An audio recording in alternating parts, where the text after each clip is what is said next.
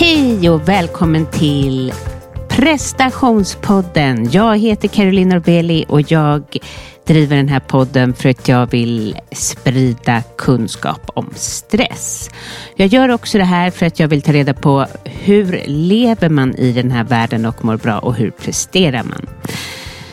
Eh, prestationspodden har ett nyhetsbrev så är du intresserad av att eh, få mina, eller snarare prestationspoddens gästers bästa tips till din mail så gå in på carolinorbeli.com.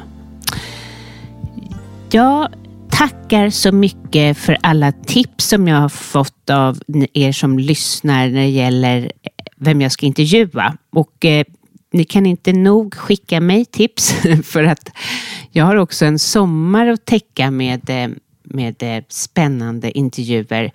Jag vill ha kända människor som beskriver sin utmattning, eh, kunniga personer, eh, okända personer som beskriver sin utmattning, folk som presterar och eh, eh, och mår bra och, och också så vill jag jättegärna intervjua människor som lever annorlunda, som har liksom struntat i det här ekorrhjulet och hoppat av. Men hur som helst, tack, tack snälla. Det är så gulligt att ni hjälper mig. Um, ja, um, jag har um, lite tankar om tillit den här veckan. Det är lustigt att jag aldrig har tagit upp, men jag tror att det var någon gäst som ganska nyligen nämnde någonting om det. Men vid utmattning så tappar man ju ofta bort tilliten Alltså till sig själv, till den här äh, personen som kunde pusha sig själv så hårt så att man gick in i väggen. Sin egen kropp, äh, att inte den pallar. Och eh, man har svårt att lita på sig själv igen. Och jag tror inte man behöver gått in i väggen för att ha svårt och med tillit. Eh, med det här världsläget så kämpar nog många med tilliten att det kommer bli bra, att man klarar sig ekonomiskt, att, eh, att liksom, det kommer ordna sig med klimatet, eh, att det kommer vara en okej okay värld för ens barn och barnbarn barn att växa upp i. Därför tänkte jag lite idag när jag skrev på Instagram eh, att vi behöver ge mer åt vår tillit så att säga. Ehm, och ehm, skapa trygghet i oss själva när det blåser om, i omvärlden. Och ehm, det handlar ju verkligen mycket om att göra det du, det du säger att du behöver. Att du visar dig själv att du är att lita på. Så jag, jag tänker att en sak är ju att stanna upp också och vara i nuet. För är vi i nuet så märker man ju att allting är helt okej. Okay. Här där jag sitter på Danderydsgatan, Yogamana, så är allting jättebra. Det är framtiden som skrämmer oss mest och det är det som kommer och det som vi inte vet någonting av och det bara känns kan kännas som en oro. Så vad kan få dig att liksom vara mer i nuet? För vissa kan det vara meditation och yoga och träning men man kan också öva att vara i nuet lite oftare än så. Till exempel när man diskar, när man bäddar sängen, när man, när man gör de här sakerna man dagligen gör. Att öva på att vara där. Ehm, och Sen är en sak att också sätta upp saker som fyller på dig och eh, alltså jag menar planera in saker som är bra för dig och hålla det löftet till dig själv så att man säger jag ska yoga imorgon bitti. Att man gör det. Att sätta upp hållbara mål. Alltså när det gäller träning och att göra bra saker för sig själv. Att, att liksom hålla de löftena till sig själv. För jag menar, vi bygger ju tillit till oss själv på samma sätt som vi bygger tillit till den andra. Om det, om det var någon annan som hela tiden sa så här, men imorgon eh, då ska vi träna. Fast det inte blir så. Eller imorgon ska jag inte äta no någon choklad. Eh, eller imorgon får du ingen choklad. Och så håller man på så där och hittar på saker. Och det blir en osanning. Och det blir ju inte till, det blir inte tryggt. Och det skapar inte tillit. Så när du tar dig själv mer på allvar och har den respekten till dig själv. Um, att du gör det du har bestämt. Och när du tar tag i också det som skaver och det som känns jobbigt och smärtar inom dig. Um, och försöker få det bättre för dig själv. Istället för, som kan vara lite lätt, att hålla på och ducka och undvika, ducka en räkning eller ducka ett samtal från chefen eller ducka ett samtal från mamma. Alltså ta tag i de här sakerna som är och som, som skaver helt enkelt. Eller och liksom försöka undvika att bedöva när det känns jobbigt. Inte ta till telefonen utan stå där och visa dig själv att det här klarar du. Jag behöver inte någon distraktion. Det här det är i alla fall några sätt att jobba på dig själv när det kommer till tillit. Hoppas att det är hjälpsamt.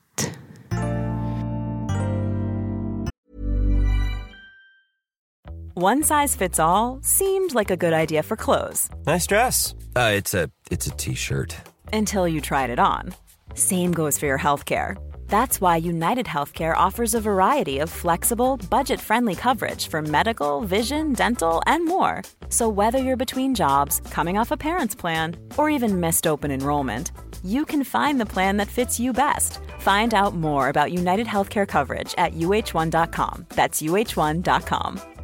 Hey, I'm Ryan Reynolds. At Mint Mobile, we like to do the opposite of what Big Wireless does. They charge you a lot we charge you a little. So naturally, when they announced they'd be raising their prices due to inflation, we decided to deflate our prices due to not hating you. That's right. We're cutting the price of Mint Unlimited from $30 a month to just $15 a month. Give it a try at mintmobile.com slash switch. $45 upfront for three months plus taxes and fees. Promote for new customers for limited time. Unlimited more than 40 gigabytes per month. Slows. Full terms at mintmobile.com. Millions of people have lost weight with personalized plans from Noom like Evan, who can't stand salads and still lost 50 pounds. Salads, generally, for most people, are the easy button, right? For me, that wasn't an option. I never really was a salad guy. That's just not who I am. But Noom worked for me. Get your personalized plan today at Noom.com. Real Noom user compensated to provide their story. In four weeks, the typical Noom user can expect to lose one to two pounds per week. Individual results may vary. I'm Sandra, and I'm just the professional your small business was looking for. But you didn't hire me because you didn't use LinkedIn jobs. LinkedIn has professionals you can't find anywhere else, including those who aren't actively looking for a new job but might be open to the perfect role, like me. In a given month, over 70% of LinkedIn users don't visit other leading job sites. So if you're not looking on LinkedIn, you'll miss out on great candidates like Sandra. Start hiring professionals like a professional. Post your free job on linkedin.com/people today.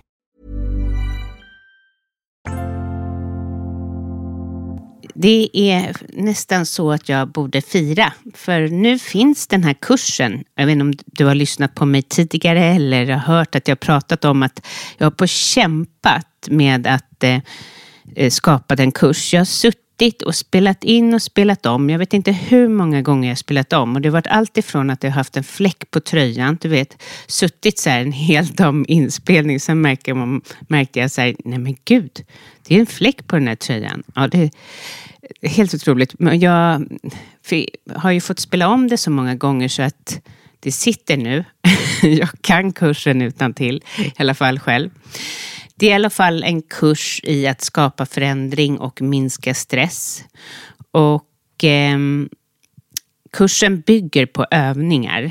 Det är alltså du som får mina bästa övningar när det gäller att skapa förändring som också leder till minskad stress. Ehm, och då är det fem moduler som består av behov, värderingar, gränssättning compassion och tacksamhet.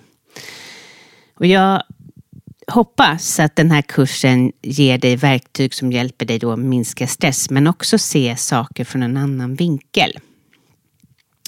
Och eh, kursen ligger på carolinnorbeli.com och eh, är du intresserad så gå in där, scrolla ner så hittar du kursen. Den kostar 975 kronor och eh, inkluderar även en meditation. Ja, in och kika på det helt enkelt. Nu har två fantastiska kunder precis slutat så jag har platser i min coaching kvar för dig som verkligen vill jobba med dig själv och göra en långsiktig förändring och som vill bli av med det här stressbeteendet, de här jobbiga tankarna, eh, prestationskraven eller känslan av att aldrig vara i nuet.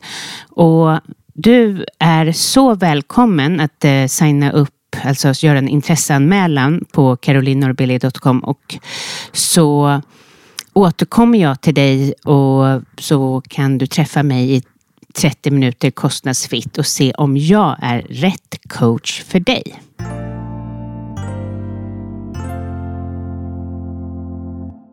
Till det här avsnittet har jag intervjuat Björn Rudman. Björn Rudman är terapeut och föreläsare inom stressrelaterad ohälsa.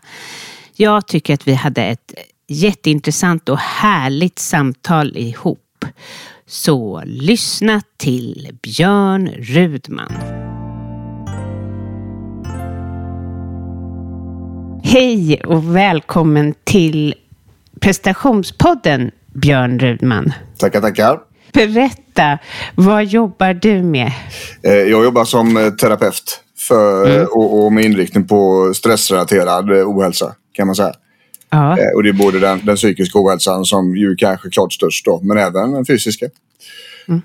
Um, så det är det jag gör måndag till fredag, veckans alla dagar på säga, från morgon till kväll. Uh, och uh, försöker också sprida så mycket information jag kan om de här sakerna till till så många som möjligt. Så att både via Instagram och via podden. Hur kom du till att börja jobba med det här? Ja, det var... Jag började jobba som egen eh, 2012 och innan dess hade jag jobbat inom friskvårdsbranschen och inom eh, psykiatrin och liknande.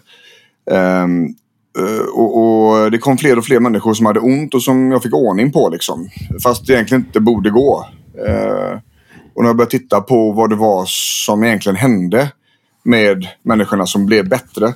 Så, uh. så var det ganska tydligt att det var inte en gummibandsövning till som de fick utav mig. Utan det var helt enkelt eh, hur jag fick dem att förstå och må. Och, och hur jag tittade på hela människan istället för bara en, en skada kanske som vården brukar göra. Då. Eh, och när man jobbar med smärta så, så kan man inte undvika att jobba med stress för de två bor vägg i vägg. Eh, så det ena ledde till det andra. Och och, och, så småningom så var det i stort sett bara eh, smärta och efter ytterligare ett par år så, så var det i stort sett bara stressrelaterade besvär som, som kom. Och sen dess har liksom inriktningen varit på det. Eh, och det, det, det, går liksom inte att jobba klart där. Utan det, det är så pass stora besvär idag i samhället att det, det finns att göra kan man säga. Verkligen, men vad fick dig börja, vilja börja jobba med människor? Ja, bra fråga. Ehm, jag började... jag började 2000,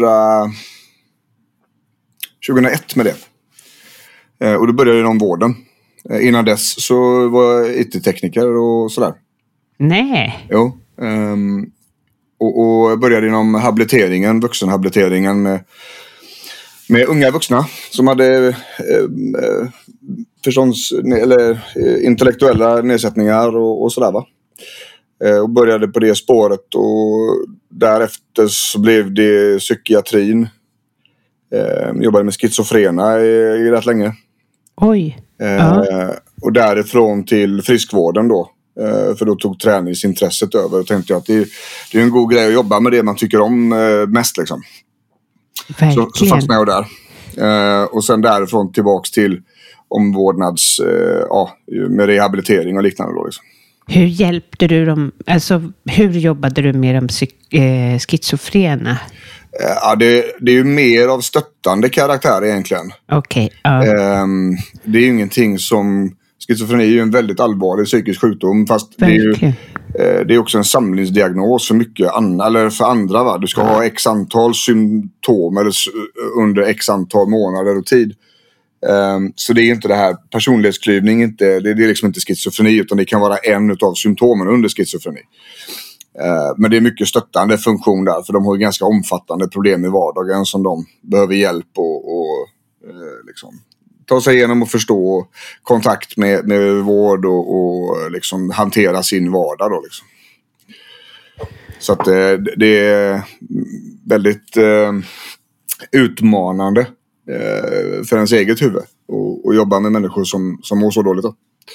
Ja, ja, det, eh, ja, det blir jag väldigt imponerad över för att alltså, jag jobbar ju mest kanske med högpresterande personer eller ja, som har mycket stress. Och det eh, man, jag kan bara ana hur krävande det måste vara eh, att ta del av ja, men ett visst mörker, om man säger så.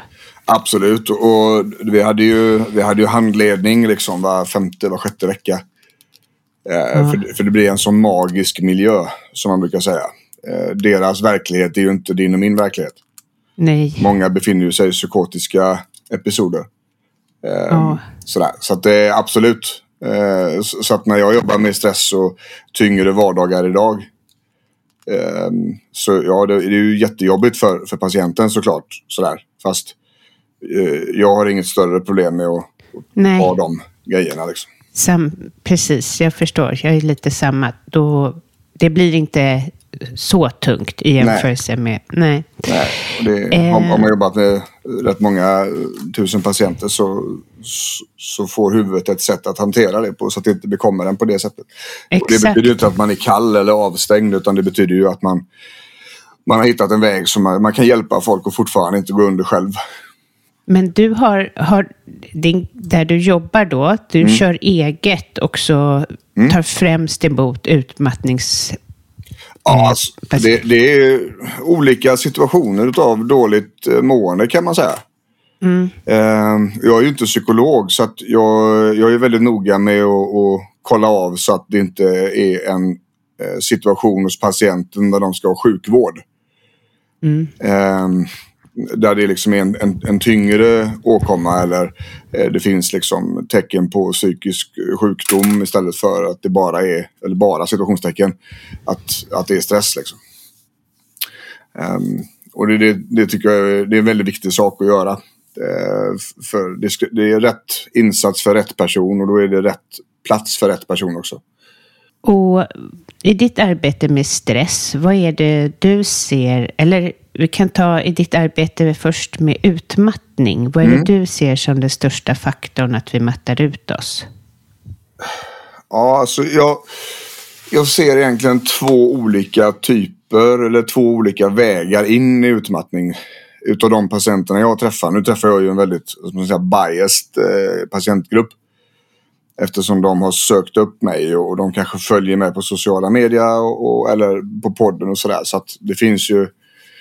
Eh, det är ju en ganska, ska vi säga, det blir en specifik situation liksom. Men jag ser egentligen två olika vägar in. Det ena är när livet har kört över människan. Det vill säga att det kanske har varit skilsmässa, jobbstrul, sjuka barn och flytt på under ett år. Liksom.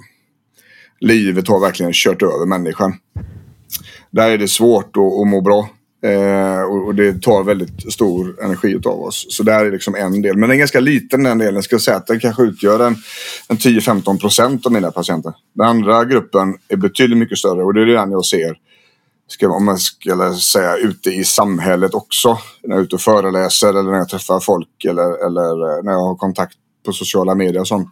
Det är ju när, när man har eldat ljuset i bägge ändar, när man har kört för hårt för länge. Eh, där belastningen har varit högre än vad man har mäktat med att återhämta. Och eh, när man har legat på minus för länge så blir också återhämtningen negativt påverkad. Samtidigt som vanliga vardagssaker tar onormalt mycket tid och energi. Och Vad tror du? Där någonstans. Ja, men vad tror du är anledningen till att... Anledning, jag, jag tror att det är väldigt mångbottnat. Eh, jag tror att eh, kollar man ur samhällsperspektiv där så är det ju, eh, Tidigare så var det ju det är ett väldigt hårt samhälle, det är väldigt prestationsinriktat. Det, det premieras väldigt eh, mycket, liksom visa framfötterna offensivt och sådär. Eh, och, och- och det här utmattningsepidemin så att säga, den var ju dålig redan innan corona. Sedan så kom pandemin vilket gjorde oss väldigt oroliga. Helt plötsligt blev det farligt att vistas i samhället eh, med en väldigt hög stress till vardags. Eh, och lagom till den var klar så, så, fick Putin feeling i Ryssland. Helt plötsligt så var det ett invasionskrig i Europa vägg i vägg för första gången sedan andra världskriget. Ja, Eh, och sen kom eh, elräkningen. Och sen blev ICA-kassen 300 spänn dyrare på en månad. Eh, och, och sen så visar ja, men ekonomin blir eh, jobbigare liksom. Så att allting har lagts på hög under väldigt lång tid på en situation, på toppen av en situation som redan innan var pressad. mm, Så att eh, jag skulle säga det vi kommer att få se nu är, är en ännu större lavin av psykisk ohälsa. Det, det är liksom det, det är de senaste åren eh, på toppen utav tidigare som man säger, grundinställningar i samhället. Då. ja, det är så sorgligt att det ska vara så här. Och eh, det är helt otroligt att vi har att vi är med om allt det här. Men, men, men utmattningens, eller utmattningsantalen var ju extremt höga redan innan. Ja, Mm. så var det ju. Eh, Eh, Så att det, det, det, det är en, en jätteutmaning. Eh, Och jag menar på att, att man kan göra väldigt mycket själv. Att eh, och det är ett sånt läge där man faktiskt behöver göra ganska mycket själv för att må så bra som det går i, i de här tiderna så att säga. Va? Verkligen. Det, det har ju verkligen slagit till på... Om man har haft tillit till livet och så, så kan det bli svårare nu.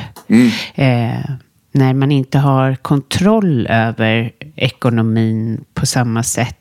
Vi är drabbade av någonting annat. Men Precis.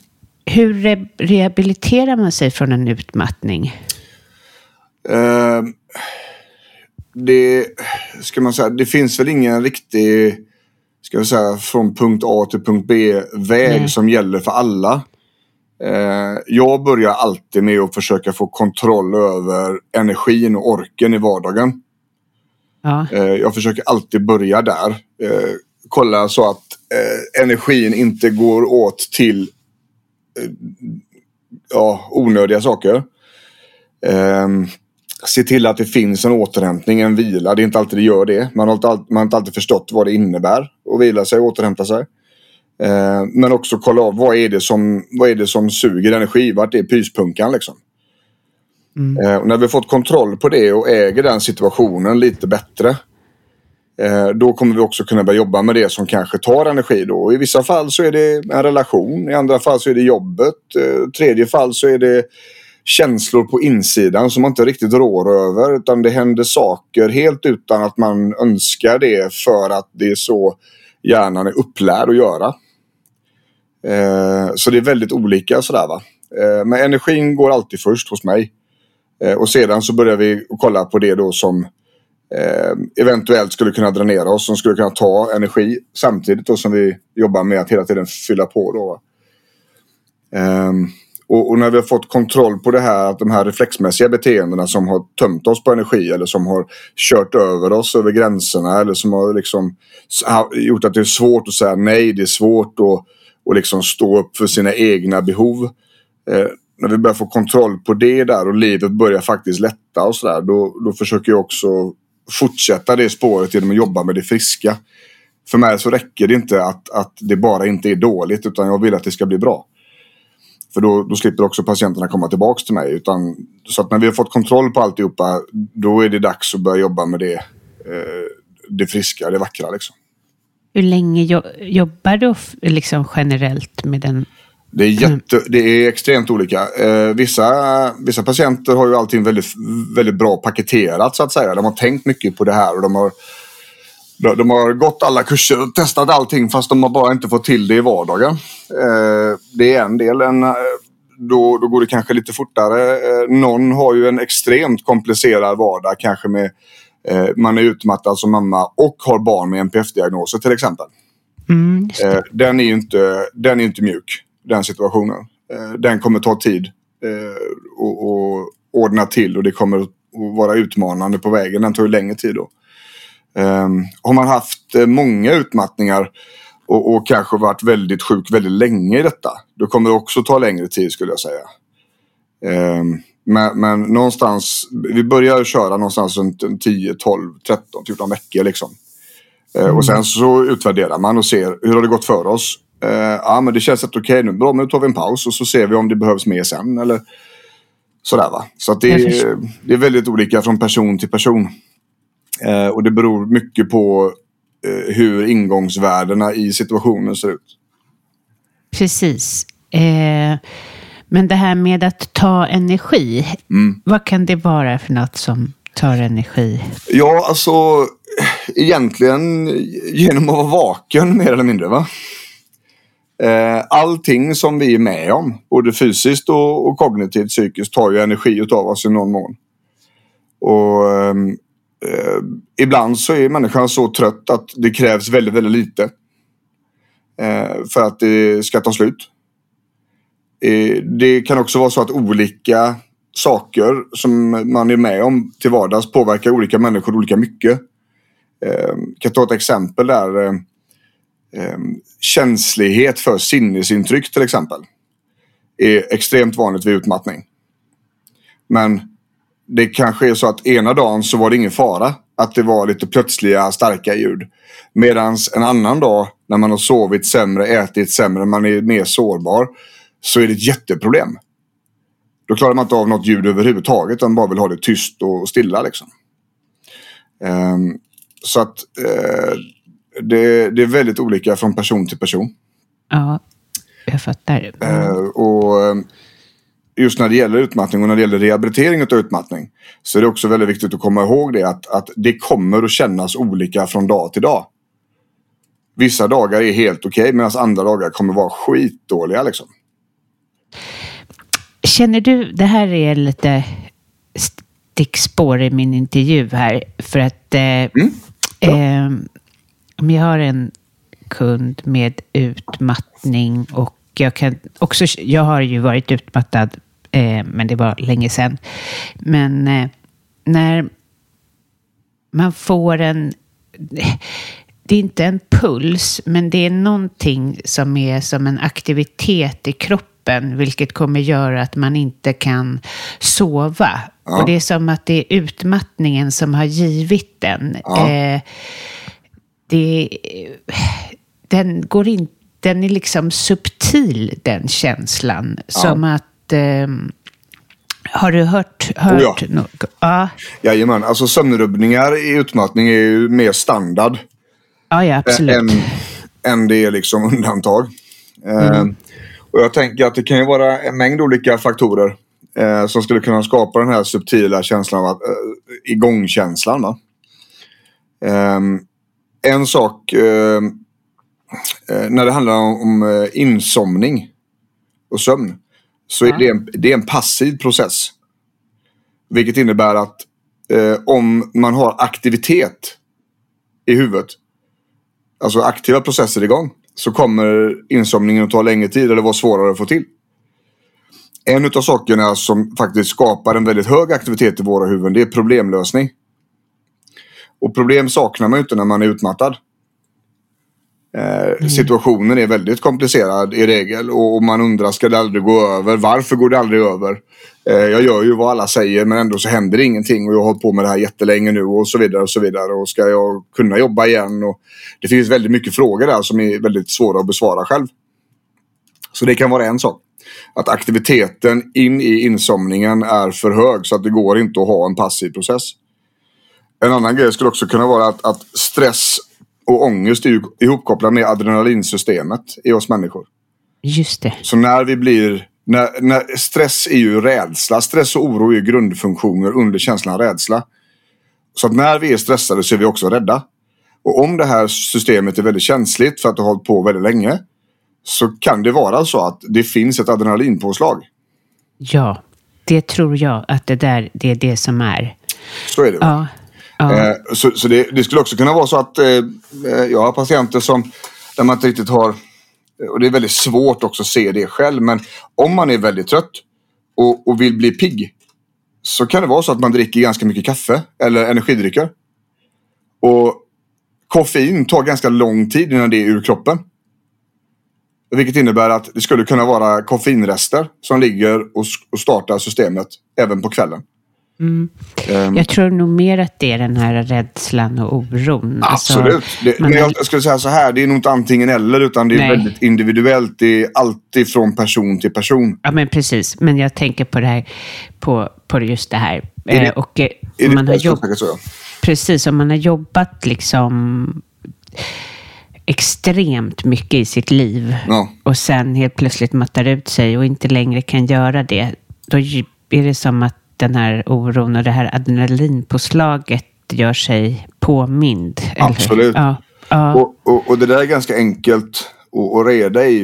Eh, om man jobbat väldigt mycket väldigt länge så är det sannolikt blivit en del av ens, ens identitet. mm, Ens karaktär. Eh, sannolikt är det också så att driften att jobba så mycket eh, och prestera kommer någonstans ifrån. Det känns alltså väldigt rätt att få prestera, att leverera, men det känns aldrig tillräckligt. Så man, man har liksom inget övre tak utan man ska göra mer och mer och mer och mer. För att nästa gång ska det gå ännu fortare, bli ännu bättre, bli ännu större.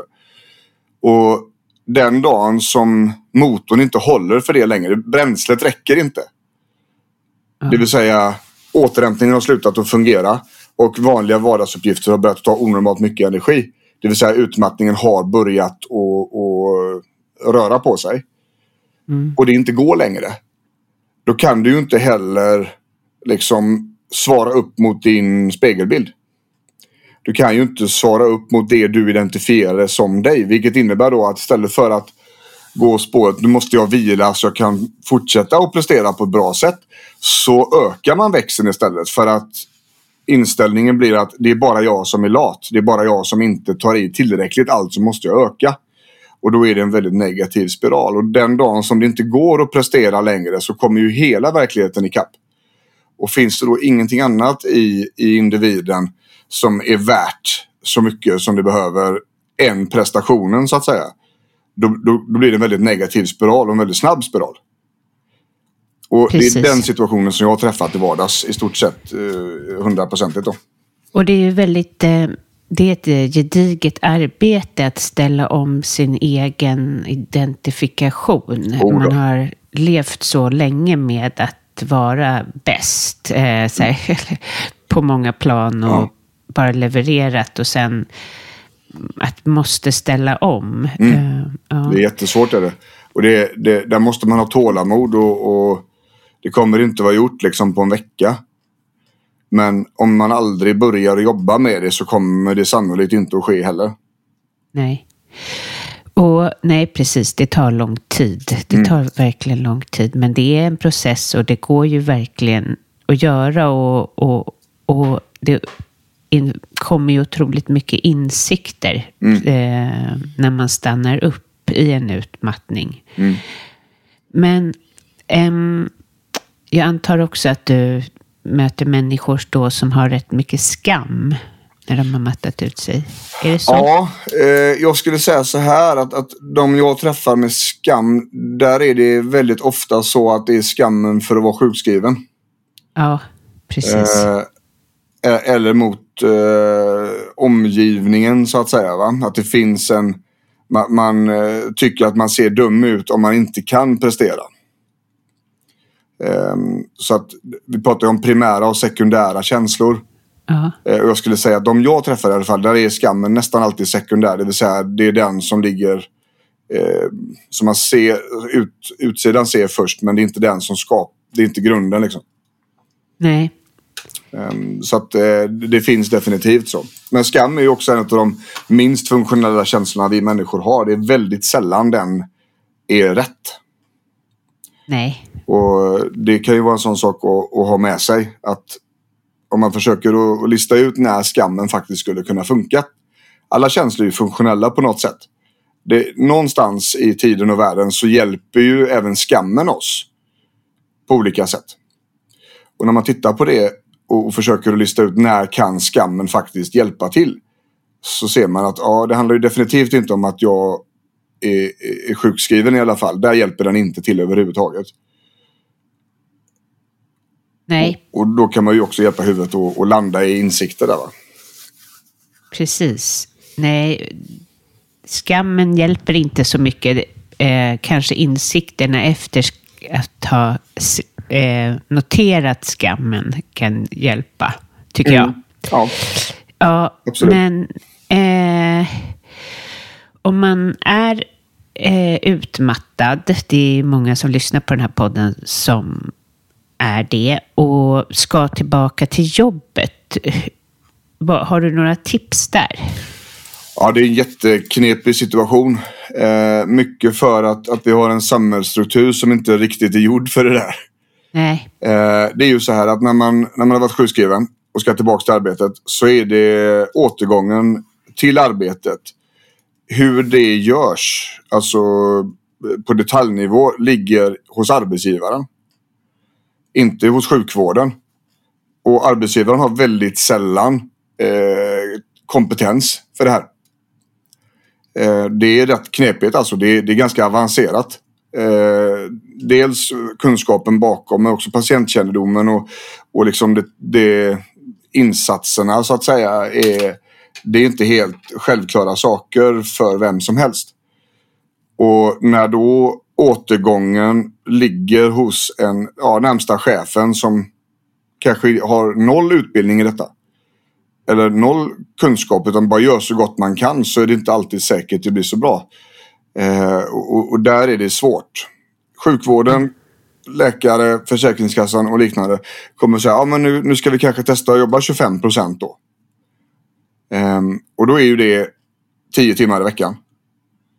Skulle kunna vara två timmar om dagen. Det skulle också kunna vara andra fördelningar. Men bara där har vi en problematik då. Ja, två timmar per dag. Men vi ska ta det till jobbet också. Vi ska ta det från jobbet. Så det är två timmar på arbetsplatsen kommer inte ta två timmar i anspråk i din vardag. Utan det kanske är så att det tar fyra timmar i anspråk. Med belastning liksom. Med, med kognitiva svårigheter att ta sig till jobbet i trafik eller, eller lokaltrafik eller liknande. Och sen så ska man då befinna sig i miljön på arbetsplatsen. Där är det folk, där är det ljud, där är det ljus. Ehm, I början så, så ska man ju kanske inte ha en avancerad arbetsuppgift utan du ska inte göra någonting om det tar lite tid. Nej. Bara för att vänja sig. Bara Ja, en sån det- sak. Det är verkligen, det blir väldigt konstlat hur som helst. Och, Det går väldigt fort ja. Och, och Ja. Det är ju därför som det är i det läget när man går tillbaka. Så jag skulle säga det viktigaste tipset som jag tycker att man ska ha med sig. Det är att man inte man ska inte hålla käft och bita ihop för länge. Utan man måste flagga för om det blir sämre.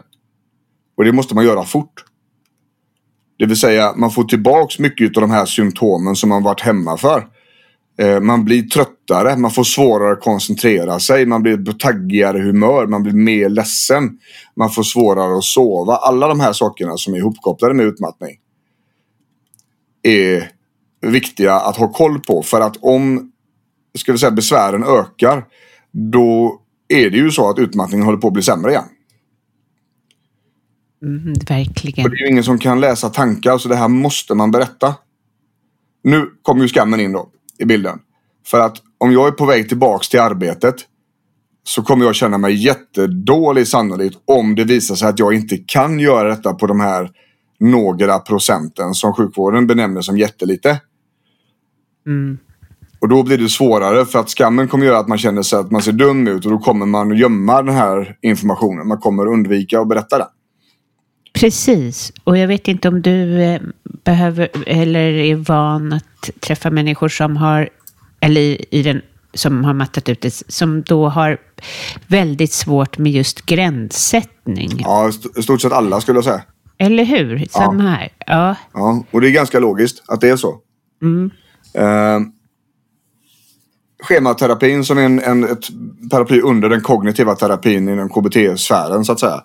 Ja. Eh, pratar om olika psykologiska mönster. Eh, de här mönstren skapas när vi är små. Det vill säga vi lär oss hur saker och ting ska vara. Vi lär oss hur saker och ting ska låta, vad som är rätt, vad som är fel, hur man ska vara för att passa in och så vidare. Och de allra flesta som har träffats som är utmattade har ett mönster som kallas för underkastelse. Underkastelsen mm. handlar om att, att du underkastar dig andra människors behov helt enkelt. Exakt. Någonstans i världen och livet så har du fått lära dig att andras behov faktiskt är viktigare än dina. Det vill säga, det kan ha funnits föräldrar som har behövt väldigt mycket uppmärksamhet. Det kan vara så enkelt som föräldrar som varit sjuka. Det kan ha varit eh, människor runt omkring som faktiskt har haft väldigt stora behov och, och sådär. Va? Och man då har fått känna att nej, men de går först. Då är det det man lär sig som barn. Så tar man det här vidare med sig in i vuxenlivet. Det här är jätte, extremt vanligt alltså. Ja, ja. Um, och Mer vanligt än ovanligt. Om mina, om mina gränser inte betyder så mycket. Om mina behov, mina gränser inte gills lika mycket som alla andras. Då kommer jag inte ha övat mig på att sätta dem här. Utan då har jag lärt mig att då ska jag vika undan till förmån för andra. Och därför, det är en av orsakerna till att det är väldigt, väldigt svårt att sätta gränser. Då. Ja, verkligen. Och jag tror inte bara det är de utmattade som har svårt att sätta gränser. Jag tror att det är ju en av de svåraste uppgifterna vi har för att vi inte har fått lära, även om eh, familj kan verka helt funktionell så har ju, har, ja, det är en svår uppgift helt enkelt att vi, eller ja. att visa och lära ut. Definitivt. Och det kan vara allt från avstängdhet till annat som får människor att signalera att eh, du inte ska lyssna till dig och inte mm. sätta dig själv i första rummet och sådär. Ja, absolut. Och vi gör ju, ska vi säga, barn gör ju inte som vi säger, vi föräldrar, de gör som vi gör. Ja, det är det som um, är så, jobbigt. Så ofta är det bara en, en eh, vi säga, en, en spegelbild av någon av föräldrarna. Precis. Eh, och det behöver alltså inte vara någon form av miserabel uppväxt. Sån jättemörk med allt dåligt man kan tänka sig. Utan det kan absolut ha varit helt och rent och fredagsmys och, och alltihopa på pappret jättebra. Men någonstans där så fanns det en svårighet mellan att ens egna behov fick komma fram och det var någons behov som var viktigare. Exakt. Eh, och det är ju, behöver inte vara någons fel. Nej. Utan det kan ju bara vara så att det finns en, en, en sjuk förälder eller ett, ett sjukt syskon. Ehm, jag, jag har eh, patienter som där det inte är någonting utav det utan det, det kommer ett litet syskon ganska sent in i livet. Där är ju helt, men bebisen har ju större behov än, än åttaåriga Lisa. Liksom. Ja. Nioåriga, tioåriga, tonåriga Lisa. Så är det ju. Det är inget konstigt i sak. Men det, det, det fanns en obalans där mellan vems behov som... Lisa fick aldrig sina behov uppfyllda. Liksom. Medan allting handlade om det lilla barnet som verkligen behövde allting då. Och, och det är ju ingen Så dålig sant. uppväxt liksom. Det har bara blivit lite tokigt och man har inte riktigt fått hjälp att reda ut det. Och så har man glidit in i vuxenlivet med de här reflexerna. Och, och fortsatt med det. Och, och det har ju ofta funkat de här sakerna har ju funkat i jättemånga år och man är säkert jätteväl omtyckt av sin omgivning och, och det kanske har funkat karriärsmässigt och allting ser skitbra ut. Fram tills den dagen då du verkligen behövde stå för dina behov. Då du verkligen behövde ta hand om dig själv och ta hand om din återhämtning. Och inte ge ut energin till alla andra först. Den dagen Nej, så hade du behövt att förstå att dina behov är viktiga också. Fast det fanns ju aldrig med en liksom. Och, så, och så det är det jag typ tillbringar en hel del tid med mina patienter och, och hjälpa, hjälpa dem att landa i. att Du är inte egoistisk om du säger nej. Du är inte dum om du inte eh, du är inte dum när du säger ifrån liksom. Utan du är sund istället.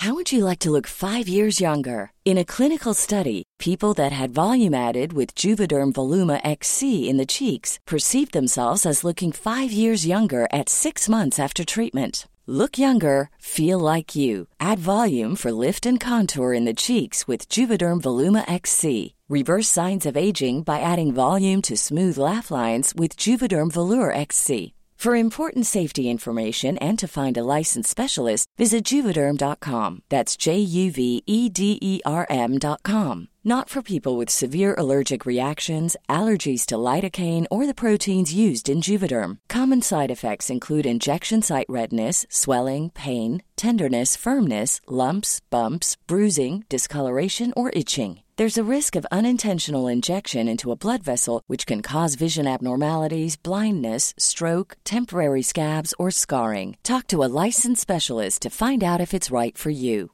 Ready to pop the question? The jewelers at BlueNile.com have got sparkle down to a science with beautiful lab grown diamonds worthy of your most brilliant moments. Their lab grown diamonds are independently graded and guaranteed identical to natural diamonds, and they're ready to ship to your door. Go to Bluenile.com and use promo code LISTEN to get $50 off your purchase of $500 or more. That's code LISTEN at Bluenile.com for $50 off. Bluenile.com code LISTEN. Hey, it's Ryan Reynolds, and I'm here with Keith, co star of my upcoming film, If, only in theaters, May 17th. Do you want to tell people the big news?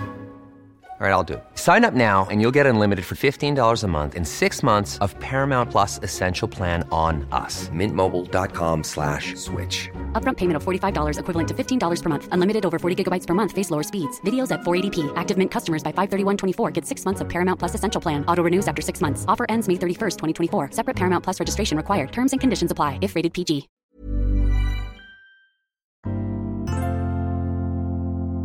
Jag tänker så här, vi har svårt att sätta gränser. Eh, och lite hand i hand har vi också svårt med återhämtning. Mm. Och eftersom du har haft en, eller har en hel podd om det. Mm. Eh, vad tänker du, varför har vi så svårt med just det? Jag tänker att, att det finns en mängd olika faktorer som gör det svårt. Eh, att återhämta sig innebär ju i grund och botten att man måste ta tid för sig själv. Ja. Eh, och då är vi inne på det här med att stå för sina behov. Och om man aldrig har gjort det och aldrig har testat det och, och ska vi säga situationstecken kommit undan med det där. Där man inte har behövt. Så är det inte helt lätt att, att göra. Eh, det är ju en sak. Och sedan är det ju, tänker jag då, det, det finns en, en komplexitet i det där för att återhämtningen behöver ju in i vardagen. Den behöver, det behöver friställas tid för att kunna göra det. Och den, det, det är en intensiv vardag så finns det kanske inte så mycket luckor. Och det är en utmaning också som väldigt många människor har. Vad ska jag ta bort liksom? Vad, vad, hur ska jag få in detta? Um, och det jag skulle säga är, är att, att det absolut viktigaste av alltihopa det är att planera det. Att det inte ska ske random och slentrian. Att när det passar som bäst så kan jag återhämta mig lite grann. Utan den ska in som vilket annat möte som helst. Så bra. Och det, det var ingen fråga liksom. Du, du kan inte välja mellan återhämtning eller inte återhämtning. Speciellt inte under en utmattningsrehabilitering. För då ska det vara tvärtom, tänker jag. Då, då, jag brukar, när jag hjälper patienter med planering av vardagar, då börjar vi alltid med att peta in återhämtningen först. Och sen ser vi vad det finns för luckor att göra resten. Mm. Och ju hårdare belastning du har till vardags, desto mer återhämtning behöver du. Punkt. Mm. Det är som träning. Ju hårdare Precis. du har tränat, ju mer behöver du vila. Och eh, återhämtning för en utmattad, vad kan det vara? Ja, det där är, det är också en, en, en eh, knepig fråga. För återhämtning är inte bara att ligga still på soffan. Liksom. Ehm, jag har ju ett antal punkter som jag jobbar med eh, för att återhämtningen ska vara på banan så att säga. Vi pratar samma språk, jag och mina patienter. Så att mat är ju en del. Det är ju en förutsättning för energi och för, för att kunna liksom ha bränsle. Va? Så det är en del i återhämtningen. Eh, sömn är en jätteviktig del. Den trumfar ju resten så att säga. Eh, sover man dåligt så spelar de andra insatserna nästan ingen roll. Eh, och då får man ju vara där och jobba lite och se vad man kan göra för att förbättra sömnen eller sådär. Ehm, så, så mat och sömn och, och, rörelse. För att maten kan inte omsättas. Det kan inte bli liksom ordentlig med energi om inte vi människor rör på oss. Och det är ju såklart en knepig situation när man är utmattad för att man kanske är trött och man kanske inte orkar träna och sådär. Men, men eh, på något vis så behöver vi ändå skapa någon form av fysisk aktivitet för kroppen men inte på bekostnad av mer trötthet. Liksom. Så de tre punkterna det är baslinjen för återhämtningen för män, människodjuret så att säga. Mm. Um, sen, sen är det ju så här att det är väldigt viktigt att låta hjärnan vara. Det är viktigt att ge huvudet en möjlighet och en förutsättning att tänka klart. Att reda i saker, att, att inte hela tiden mata sinnena med input. Med ljud, med ljus, med poddar, med chattar, med likes, med, med samtal. Utan den behöver vara i fred liksom. Den behöver vara autonom som det heter. För den är, hjärnan är jätteduktig på att lösa problem själv. Om den får en möjlighet. Men när vi bankar in liksom intryck dygnets alla vakna timmar så får den inte det. Och det här är en av orsakerna menar jag då att, att det ser ut som det gör idag. För att kollar man på 80-talet, början på 90-talet liksom, då, då var vi inte uppkopplade. Det gick inte att få tag i oss hela tiden. Man hade hemtelefoner, vi hade liksom inget, ingen eh, hundraprocentig access till människor hela tiden. Man hade fax. Ja, Helt och otroligt. I, idag ser det inte ut så. Nej. Eh, men jag tror inte att hjärnorna riktigt är anpassade till detta. Va? Så att eh, eh, över tid så har pressen blivit för hög för väldigt många. Mycket för att det inte finns yta för huvudet att vara liksom, i fred och ensam. Då. Så det är också en del i detta. Och när det gäller just återhämtning så det här är mycket fysiska saker men, men det finns ju fler energisorter så att säga än den vi äter och det är ju den vi upplever. Att, att ha meningsfullhet i vardagen, att få vara med om saker och, och, och att känna glädje över någonting och lyckas med saker och ting. Det, det är ju en typ av bränsle som vi inte kan äta oss till utan den måste vi uppleva oss till. Så vi kan ju äta och sova och dricka perfekt och ändå vara helt eh, mosiga. För att det händer liksom ingenting i vardagen. Det, det finns bara saker som tar av oss men ingenting som ger tillbaka. Så det är också en del i återhämtningen att göra saker som man tycker om att göra. Verkligen. Får jag fråga, har du varit utmattad själv? Nej, jag blir inte utmattad kognitivt. Jag går sönder, jag går sönder i kroppen istället. Oh. Så jag jobbar med till diabetes typ 2. Åh oh, nej. 2017. Oh. Och var det då du var inne i den här digitala svängen eller? Eh, nej, eller, det, eh, då var det... Jag var fullbokad eh, på jobbet och vi renoverade samtidigt i lokalerna. Oj. Som, eh, och så var det en byggfirma där som var väldigt dysfunktionell så jag fick gå in och ta över där, vilket jag aldrig hade gjort tidigare. Eh, och sen så bara av en slump på sommaren där så, så tog jag ett sånt privat blodprov online. Man kan köpa sånt testbatteri liksom. Mm. Och så får man gå på en privatklinik och så tömmer de typ halva kroppen på blod och så får man ett resultat då. Och eh, där, där visade det sig att eh, där var ju blodsockret på en sån nivå att här är det utom all tvekan diabetes typ 2 då. Så nu tar du insulin? Nej, Eh, diabetesbehandlingarna ser väldigt annorlunda ut idag än de gjorde förr. Så att jag tar en spruta i magen varje morgon. Eh, fast eh, det är den nya generationens diabetesmedicin. Så det är inte insulin men den hjälper insulinet igång och den klipper blodsockret när det är för högt och den skapar en mättnadskänsla i magen så att man äter mindre portioner utan att behöva fundera på det. Eh, och liknande. Då,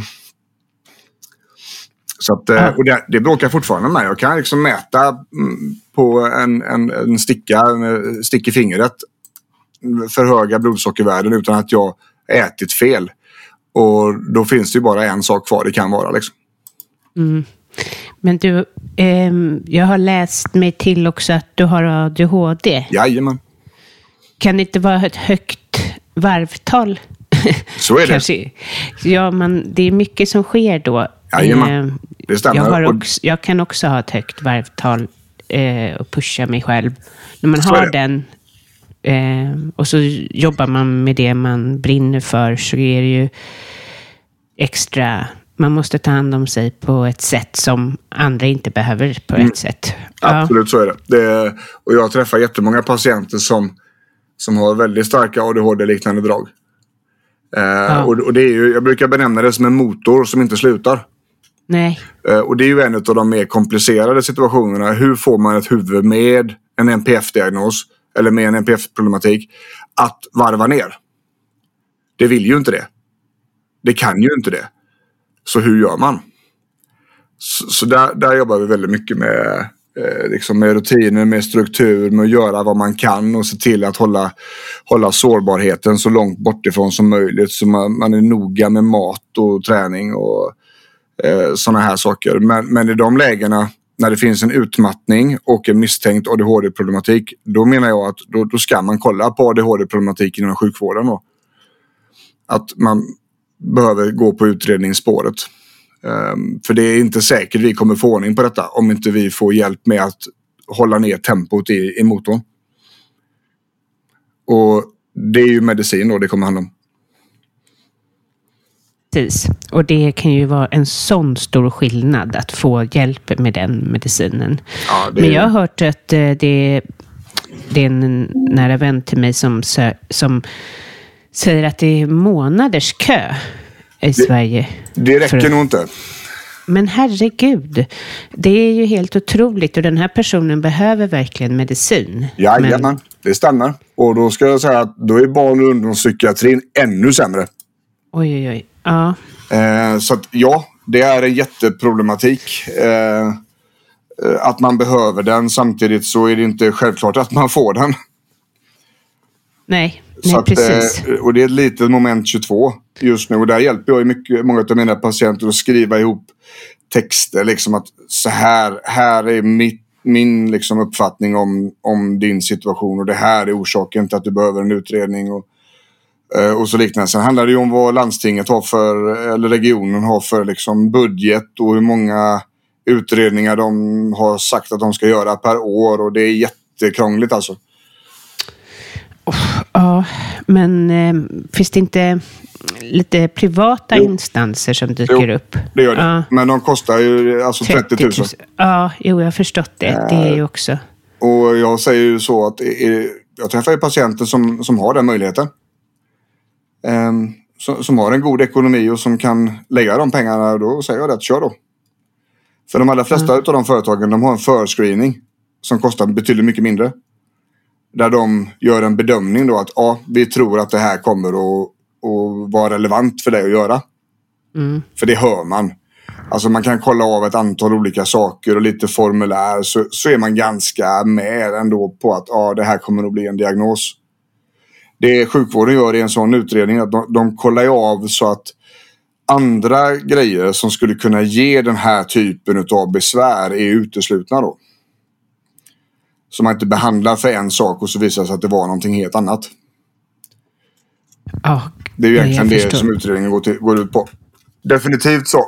Det är, nu, nu, jag vet att det sker ju nu eh, insatser på BUP, i alla fall på barn och ungdomspsykiatrin. Att, att, eh, I Göteborg i alla fall så har de ju startat en ny, en ny eh, ska vi säga, avdelning där det ska göras mellan 600 och 800 utredningar om året.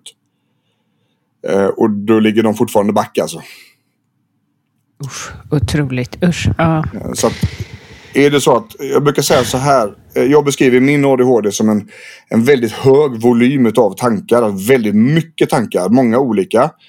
Eh, men också att de går väldigt snabbt. Lite som en tombola liksom på insidan. Mm. Eh, man vaknar tänkande, man sover tänkande. Eller man somnar tänkande. Eh, det finns, eh, man har haft det så väldigt länge. Man har kanske svårt med arbetsminnet, det vill säga man glömmer bort var man har lagt saker flera gånger om dagen. Eh, man är väldigt av eller på när det gäller känslor.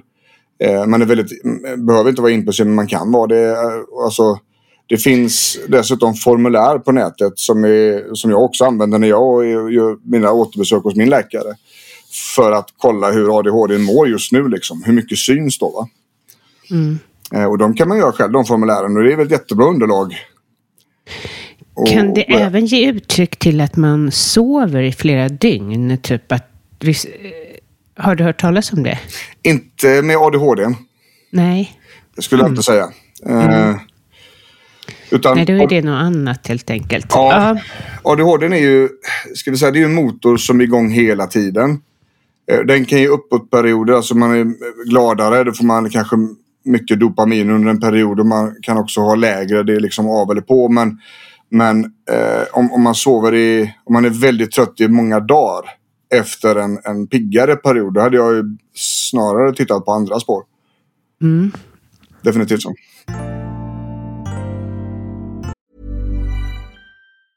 Even when we're on a budget we still deserve nice things.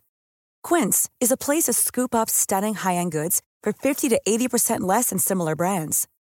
They have buttery soft cashmere sweaters starting at $50, luxurious Italian leather bags, and so much more.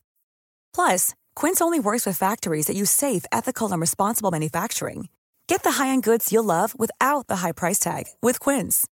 Go to quince.com/style for free shipping and 365-day returns. Mom deserves the best, and there's no better place to shop for Mother's Day than Whole Foods Market. They're your destination for unbeatable savings, from premium gifts to show-stopping flowers and irresistible desserts. Start by saving 33% with Prime on all body care and candles. Then get a 15-stem bunch of tulips for just $9.99 each with Prime. Round out Mom's menu with festive rosé, irresistible berry chantilly cake, and more special treats. Come celebrate Mother's Day at Whole Foods Market.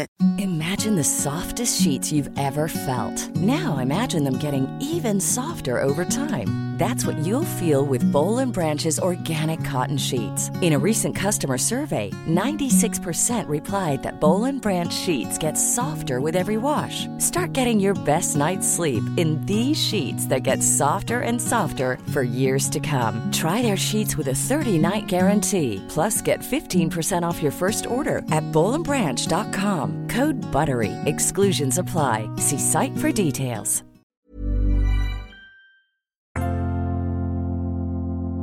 Tack snälla för att eh, du kom till podden. Det har varit så intressant att höra din kunskap. Och, Jättekul att vara här. Ja, och om, har du något tips om vem jag skulle kunna intervjua eh, inom ämnet? Ja, det finns ju många som jobbar med det. Eh, jag hade ju en, ehm, ett avsnitt med Lina eh, Eilertsson, eh, återhämtningsforskaren på Instagram. Ja, men henne, ska jag, henne har jag fått tips om. Ja. Den förra som jag intervjuade tipsade om just henne. Ja, hon är jättekompetent och jag tycker alltid ja. det är spännande. Alltså forskare, eh, det är ju de som på något vis skapar kunskapen som vi på golvet jobbar med. Exakt. Ja. Jag tycker det är jättespännande och, och prata med dem och fråga dem. Eh, för ja, då ja. Kan, de kan tala om för mig att Nej, men det här vet vi ingenting om. Eller ja, det här har vi sett. Eh, och vi tror att det beror på detta. Eh, och då kan man koppla ihop sin egen bakgrund, sin egen kunskap och, och, och, baka någonting nytt med det här. Liksom. Jag hade ett exempel när jag, när jag pratade med, med, eh, med Lina. Eh, när det gäller återhämtning så har man sett att en brytaktivitet efter jobbet är väldigt värdefullt. Det vill säga hjälp huvudet att förstå att du inte är på jobbet längre. Mm. Och den har jag fiskat upp tidigare. Eh, men hon kunde säga då det att de kan se i forskningen att du behöver göra någonting fysiskt för att det ska bli riktigt bra. Vilket Coolt. innebär någon form av fysisk handling. Oh. Okej, okay, där helt plötsligt så kan jag lyfta mitt verktyg tweaka till det lite. Lägga på en sak. Att okej, okay, men nu ska du inte bara sitta och tänka att du inte är på jobbet. Utan du behöver göra någonting med händerna eller med kroppen som visar att du inte är på jobbet. Intressant. Jag gör det. Um, det brukar jag tipsa mina kunder om också. För det är ju, annars slutar inte den här motorn som du pratar om, vare sig man har ADHD eller inte. Det är svårt att ställa om, man möter sina barn. Och vad jag gör är ofta att gå och ta en dusch. Ja, absolut. Och det är ju mm. någonting eh, som, som är fysiskt. Liksom. Ja. Jag, jag, brukar rekommendera liksom en, en fika eller göra någonting praktiskt som en ritual när man kommer hem. Mm. Och även om man jobbar hybrid då, ska jag säga. För där fick vi problem under corona. Att, att eh, liksom byggchefer som helt plötsligt bara stängde ner laptopen, sen var de hemma. Mm. Det går ju inte. Huvudet kommer ju fortsätta. Så de, där skickar vi ut dem på en promenad. Så på morgonen så promenerade de en sväng. Inte så långt. Men när de kom tillbaks hem så var de på jobbet. Och så gjorde de exakt samma sak när de skulle gå ifrån jobbet. Då fick de gå ut igen. Gå en promenad och när de kom hem så var det färdigjobbat. Ja, precis. Ja, men det är det som behövs. Ja. Och det är väldigt få som ställer dem och eh, kanske sitter som här då i Stockholm på tunnelbanan hem, jobbar i sin mobil och sen kommer hem, möter barnet och då är man inte direkt nere i sin kropp eh, och säger hej, utan man är fortfarande bara kanske tittar lite över barnet och mm. eh, ja, Ja, förlåt. Var, var kan de få tag i dig, mina lyssnare? Så. Alltså, antingen så söker de på Björn Rudman på Spotify eller där poddar mm. finns. Eller så kollar man på Instagram, Björn Rudman. Eller så kollar man på hemsidan, björnrudman.se. Ja. Så det finns lite Bra. överallt där. Det är svårt att missa om man, om man googlar. det känns svårt att missa. Ja. Ja. Mm. Tack ja, så jättebra. mycket. Hej, hej! Tack snälla du som lyssnar.